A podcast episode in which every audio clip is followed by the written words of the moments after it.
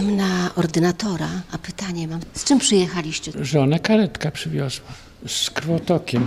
Poważna sprawa. No ale już teraz trochę uspokoiło się, ale czekamy na decyzję chirurga.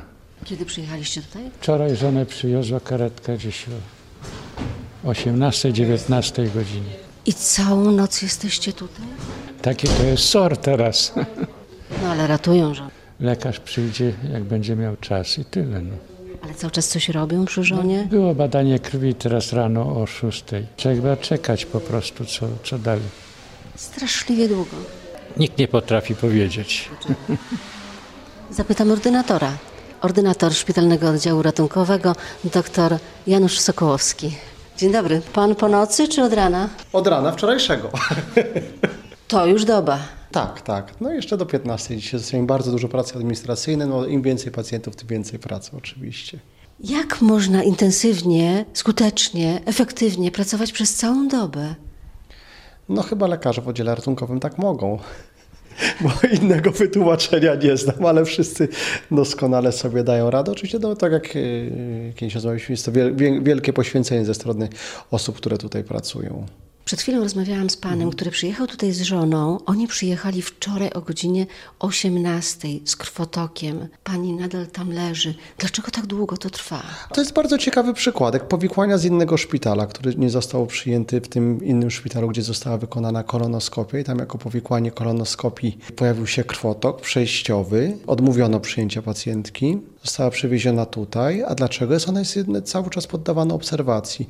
Jako, że to krwawienie bardzo szybko ustąpiło i żebyśmy byli tak na 100% pewien, czy rzeczywiście to krwawienie nie nawraca, to rano są robione kontrolne badania krwi. Badania wstępne zrobione zostały zaraz przy przyjęciu. Pacjentka także posiada skierowanie na oddział chirurgiczny. Docent dyżurny z oddziału chirurgii konsultował pacjentkę i badania kontrolne były rano pobrane. Myślę, że wkrótce wyniki będą. Leży na sali obserwacyjnej. To jest po prostu bezpieczniejsze dla niej, tak? To jest dla dobra pacjenta, oczywiście, że tak. Teraz rano wydaje się, że sytuacja jest opanowana i że jest w miarę spokojnie. Tam przed drzwiami nie kłębi się tłum. Jak wygląda tutaj to natężenie ruchu? Kiedy jest najwięcej pacjentów? Najmniejsze natężenie rzeczywiście jest rano. To są najczęściej pacjenci, dla których niestety brakuje miejsc w oddziałach, najczęściej zachowawczych, którzy czekają na przyjęcie do oddziałów zachowawczych, albo pacjenci, którzy przyjeżdżają w nocy.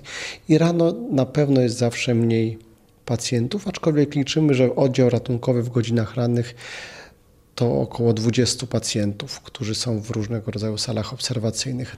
Od godziny 15 do godziny 2 w nocy tych pacjentów jest zdecydowanie najwięcej. Przybywa, przybywa, przybywa i ilu ich się ich pojawia na przykład najwięcej? Najwięcej pacjentów, których mamy zarejestrowanych w oddziale ratunkowych, jednoczasowo przebywających, to jest tak myślę około 50-60 na raz. Myślę, że jest to duża liczba, bo to na jednego lekarza, jeżeli mamy czterech lekarzy dyżurnych, czasem pięciu, to przypada wtedy 10 pacjentów. W różnym stanie klinicznym, często w ciężkich, niestabilnych, jak my ich nazywamy. No właśnie, teraz jak wybrać, kogo ratować pierwszego? Tych pacjentów, którzy są niestabilni, to są pacjenci na przykład z udarem mózgu, nam się może wydawać, że oni są w dobrym stanie, a okno terapeutyczne leczenia takiego pacjenta jest bardzo wąskie, muszą być szybko rozpoczęte leczenie, także tych pacjentów musimy jak najszybciej wybrać z tej dużej grupy chorych i tu trzeba podkreślić bardzo duże doświadczenie ratowników, pielęgniarek, którzy są w obszarze triaż, oni doskonale sobie z tym radzą. Niektórzy myślą i też tak robią, że lepiej przyjechać z karetką niż przyjść samemu, bo wtedy będzie szybciej. To ma znaczenie? Nie ma to znaczenia, to znaczy ma to znaczenie może takie, że pacjent szybciej dojdzie do szpitala, traktując karetkę jako taksówkę niestety. Oczywiście my karetkę musimy jak najszybciej tego pacjenta przyjąć, zatriażować, pobrać badania i mówiąc kolokwialnie zwolnić karetkę, żeby ona mogła normalnie pracować w mieście, udzielać pomocy pacjentom tam, gdzie to potrzeba. Natomiast jeśli chodzi o samą procedurę diagnostyczną, terapeutyczną, to pacjent podlega już normalnym rygorom oddziału ratunkowego. Czyli liczy się jego stan. Liczy się stan pacjenta jak najbardziej. Uderzyłam się dzisiaj na oko, nie widzę. Sama pani przyjechała? A Przejechałam taksówką, bo córka w pracy, mąż nie żyje. Co się I stało? przewróciłam się i uderzyłam się wczoraj. Dzisiaj rano wstałam. Ja normalnie tego mnie tam trochę bolały. Wie pani co, tego bólu, co ja przeżyłam, mnie oczy wypychało na wierzch i cały pokój ze mną wirował do góry nogami. Jezu, ja się wystraszyłam ani wstać, bo podłoga chodzi, wszystko chodzi. Oparłam się o fotel i siedzę. Do sąsiadki zaczęłam pukać i ona mi wezwała taksówkę. Tym sposobem się tu dostałam, no a teraz czekam na pana doktora. Ja z piszczeniem w uchu. Z czym? Piszczeniem w uchu. A co się stało? No zaczęło piszczeć. Skierował mnie tu lekarz. Dzisiejsza wizyta i od razu szybka decyzja, żeby przyjechać tutaj. Jaka jest praktyka, statystyka? Ilu pacjentów rzeczywiście trafia tutaj w stanie zagrożenia życia, a ilu jest takich, którzy mogliby być gdzie indziej? Takich pacjentów w stanie zagrożenia życia i zdrowia to myślę, że każda statystyka każdego oddziału ratunkowego dużego miasta w Polsce, bo troszkę inaczej to będzie w szpitalach mniejszych powiatowych, to jest około 15 do 20%. To są ci pacjenci najbardziej potrzebujący pomocy i właściwie oddziały ratunkowe dedykowane są właśnie tym pacjentom. A reszta? Pozostała część pacjentów być może, ale mówię tutaj być może, mogłaby mieć udzielonej pomocy w warunkach ambulatoryjnych, gdyby te warunki były. Jeżeli nie ma, no to ci pacjenci muszą przyjść do oddziału ratunkowego i muszą też mieć świadomość, że my jesteśmy właściwie jedynym gwarantem bezpieczeństwa i jedynymi osobami, które mogą udzielić im pomocy. W mieście są, mówimy o Wrocławiu, Tak. cztery punkty nocnej i świątecznej pomocy. Część z tych pacjentów mogłaby tam trafić? Na pewno duża część pacjentów mogłaby trafić, ale tutaj jeszcze jeden bardzo ważny warunek. Te punkty nocnej i świątecznej pomocy powinny mieć możliwości wykonywania po pierwsze badań laboratoryjnych, podstawowych morfologii krwi, badania ogólnego moczu, A nie robią? Nie mogą tego, nie mogą, zresztą rozporządzenie nie pozwala na to, a także powinny mieć możliwość wykonywania badań radiologicznych, rentgenowskich przy zwykłych, prostych stłuczeniach. Wydaje się, że takim optymalnym rozwiązaniem to jest jednak rozlokowanie tych miejsc, tak jak było we Wrocławiu poprzednio.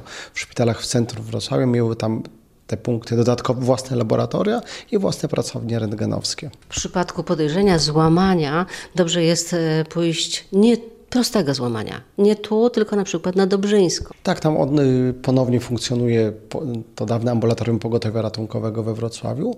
Tam działa rentgen, prawie zawsze działający jest. No wczoraj czy przedwczoraj nie działał, także pacjenci tutaj się zgłaszali do nas. I na pewno ułatwi to przyjęcie pacjentów w tych stanie ciężkiego zagrożenia życia, prawda? Bo to, czy my jesteśmy w stanie szybko się zająć pacjentem, to też zależy, o czym mówiliśmy, od natłoku innych pacjentów. To troszkę sami pacjenci decydują o tym, czy my jesteśmy w stanie szybko się nimi zająć. Co się dzieje tutaj, po tej stronie drzwi? Kiedy my tam siedzimy po tamtej stronie drzwi i nam się te godziny ciągną i mówimy, no znowu tak długo trzeba czekać, 5, 7, 8 godzin. Co się dzieje tutaj, kiedy naprawdę no, jest stan zagrożenia życia, czy dochodzi do reanimacji? Tutaj jest całą, całą dobę praca, ciężka praca. Jest tak, jak Pani powiedziała, może to być reanimacja, mogą to być inne stany niewydolnościowe, które także wymagają pełnego zaangażowania lekarzy. Lekarzy, których nie zawsze jest wystarczająca liczba.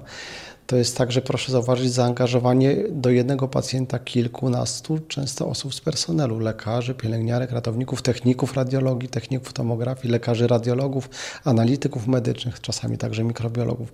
Także do jednego pacjenta proszę zobaczyć, jak wiele osób jest zaangażowanych w opiekę nad jedną osobą. I to jest tylko ten jeden pacjent, a my jednoczasowo przyjmujemy czasami trzech, czterech pacjentów w stanie zagrożenia życia.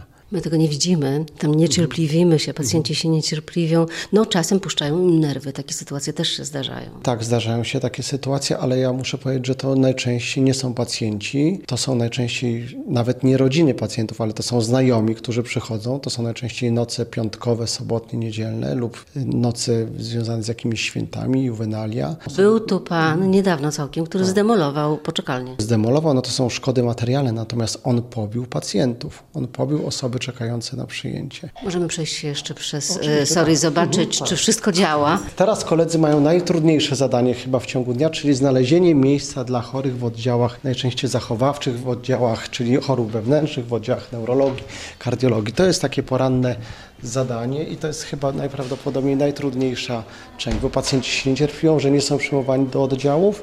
No, wynika to nie z naszej złej woli, niestety z niedomogi służby zdrowia, no wrocławskiej można powiedzieć w tym wypadku, z wielkich braków łóżek internistycznych we Wrocławiu. Wy telefonujecie, a tam słyszycie, nie ma miejsca. Nie ma oczywiście, no, dlatego musimy się pacjentem zająć, dodatkowa liczba pacjentów, no do czasu aż nie, nie znajdziemy y, tych łóżek dla pacjentów, prawda?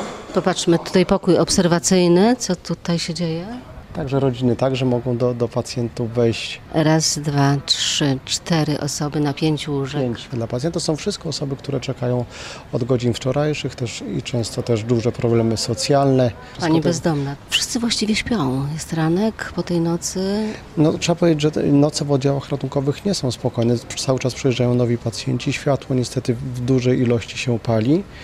No i na pewno część osób jest niewyspana. Mimo naszych najszerszych chęci, prób zapewnienia jakiejś intymności pacjentów, nie zawsze jesteśmy w stanie to im właśnie zapewnić. Serce Soru to chyba tutaj, po lewej, tak? Ach, to jest to miejsce, gdzie przyjmujemy pacjentów w takim stanie nagłego, ciężkiego zagrożenia życia. I tak, to jest ta zwana strefa czerwona i ona powinna być pusta zawsze, bo pacjent powinien tutaj być bardzo krótko. Jest pusta. A zobaczymy, zaraz wejdziemy dalej. Na pierwszym stole jest To pusto. jest tak, jest sala zabiegowa, tutaj drobne zabiegi chirurgiczne. Możemy wykonywać sala resuscytacyjna też. Cieszę się, że w tej chwili jest pusta i sala na początku, gdzie przyjmujemy pacjentów z urazami wielonarządowymi, czyli to, co tutaj wiemy, że jest Centrum Urazów, Leczenia Urazów Wielonarządowych dla osób dorosłych. To tu właśnie toczy się walka o życie. Tak, tutaj toczy się walka o życie. Proszę zobaczyć, że tu jedynymi osobami poza pacjentami to są rodziny pacjentów, które mogą wejść, prawda? Te pacjenci także chcą mieć wsparcie ze strony rodzin, no i oczywiście to sobie musimy tutaj wpuścić. Czasem się nie udaje. Czasami się nie udaje, tak y, są także prowadzone statystyki, jeśli chodzi o śmiertelność w oddziałach ratunkowych. Dla Dolnego Śląska są takie globalne mm, dane zebrane i to jest około 30 do 40 przypadków śmierci w oddziale ratunkowym dla każdego oddziału ratunkowego Dolnego Śląska. 30-40 na jaki okres? W ciągu roku. Myślę, że z tym sobie nikt do końca dobrze nie radzi. My natomiast możemy do tego podejść bardzo medycznie, to znaczy analizować, jakie są przyczyny zgonów, czy możemy coś robić. No to jest obowiązek także wynikający z pracy lekarza. No ja muszę powiedzieć, że ja jestem zobligowany takie analizy robić kwartalnie i, no i są to analizy bardzo smutne. Ale dlaczego? dlaczego? Dlatego, że najczęściej są to osoby, które umierają w oddziałach ratunkowych, a mogłyby umierać w domu, wymagające opieki tak zwanej paliatywnej, czyli to nie są zgony nagłe, te, o których my sobie myślimy, zawał serca, ciężki uraz wielonarządowy. Nie, tych pacjentów my jesteśmy w stanie leczyć. Najczęściej są to osoby samotne, samotne w sensie choroby swojej, bez opieki medycyny paliatywnej, bez opieki rodziny. Teraz jest pan szefem szpitalnego oddziału ratunkowego tutaj w Uniwersyteckim Szpitalu Klinicznym, ale ile w ogóle, jak długo pan pracuje na SOR-ze? No ja pracuję w oddziałach ratunkowych właściwie od początku, od zakończenia studiów, czyli to już jest 20 lat.